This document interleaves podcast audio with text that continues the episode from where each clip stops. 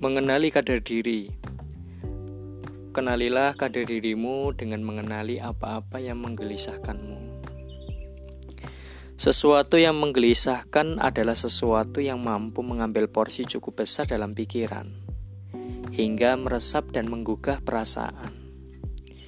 Sungguh tak mudah bagi sebuah perkara untuk menghadirkan masa gelisah, sebab ia mesti berebut dengan jutaan informasi lain yang hadir di sekeliling.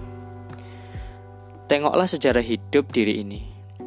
Niscaya kita akan temukan bahwa apa-apa yang kini menggelisahkan dulu sama sekali tidak mengambil peran. Kala kanak-kanak, pastilah tak pernah kita gelisah soal bagaimana membayar tagihan listrik. Kala remaja pun, kita tak gelisah soal pekerjaan yang menumpuk. Barulah kala berkeluarga hal-hal tersebut mengambil tempat dalam pikiran, lalu menggelisahkan.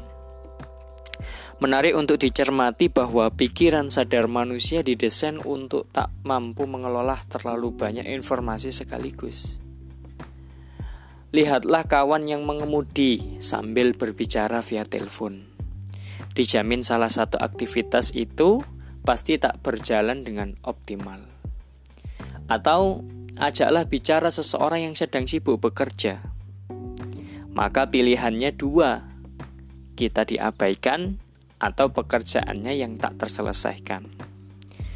Maka sedikit simpulan apa yang berhasil masuk dalam pikiran akan menyingkirkan jutaan yang lain. Nah, kembali ke soal kegelisahan tadi.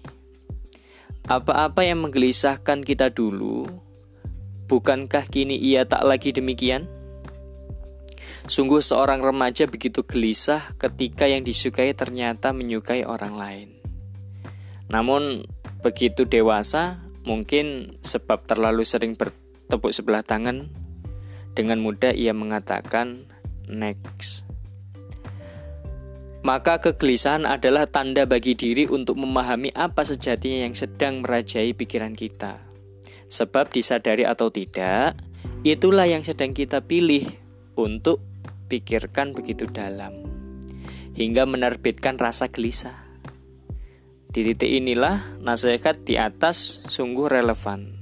Kita bisa mengenali kadar diri ini dengan mencermati apa-apa yang membuat kita gelisah.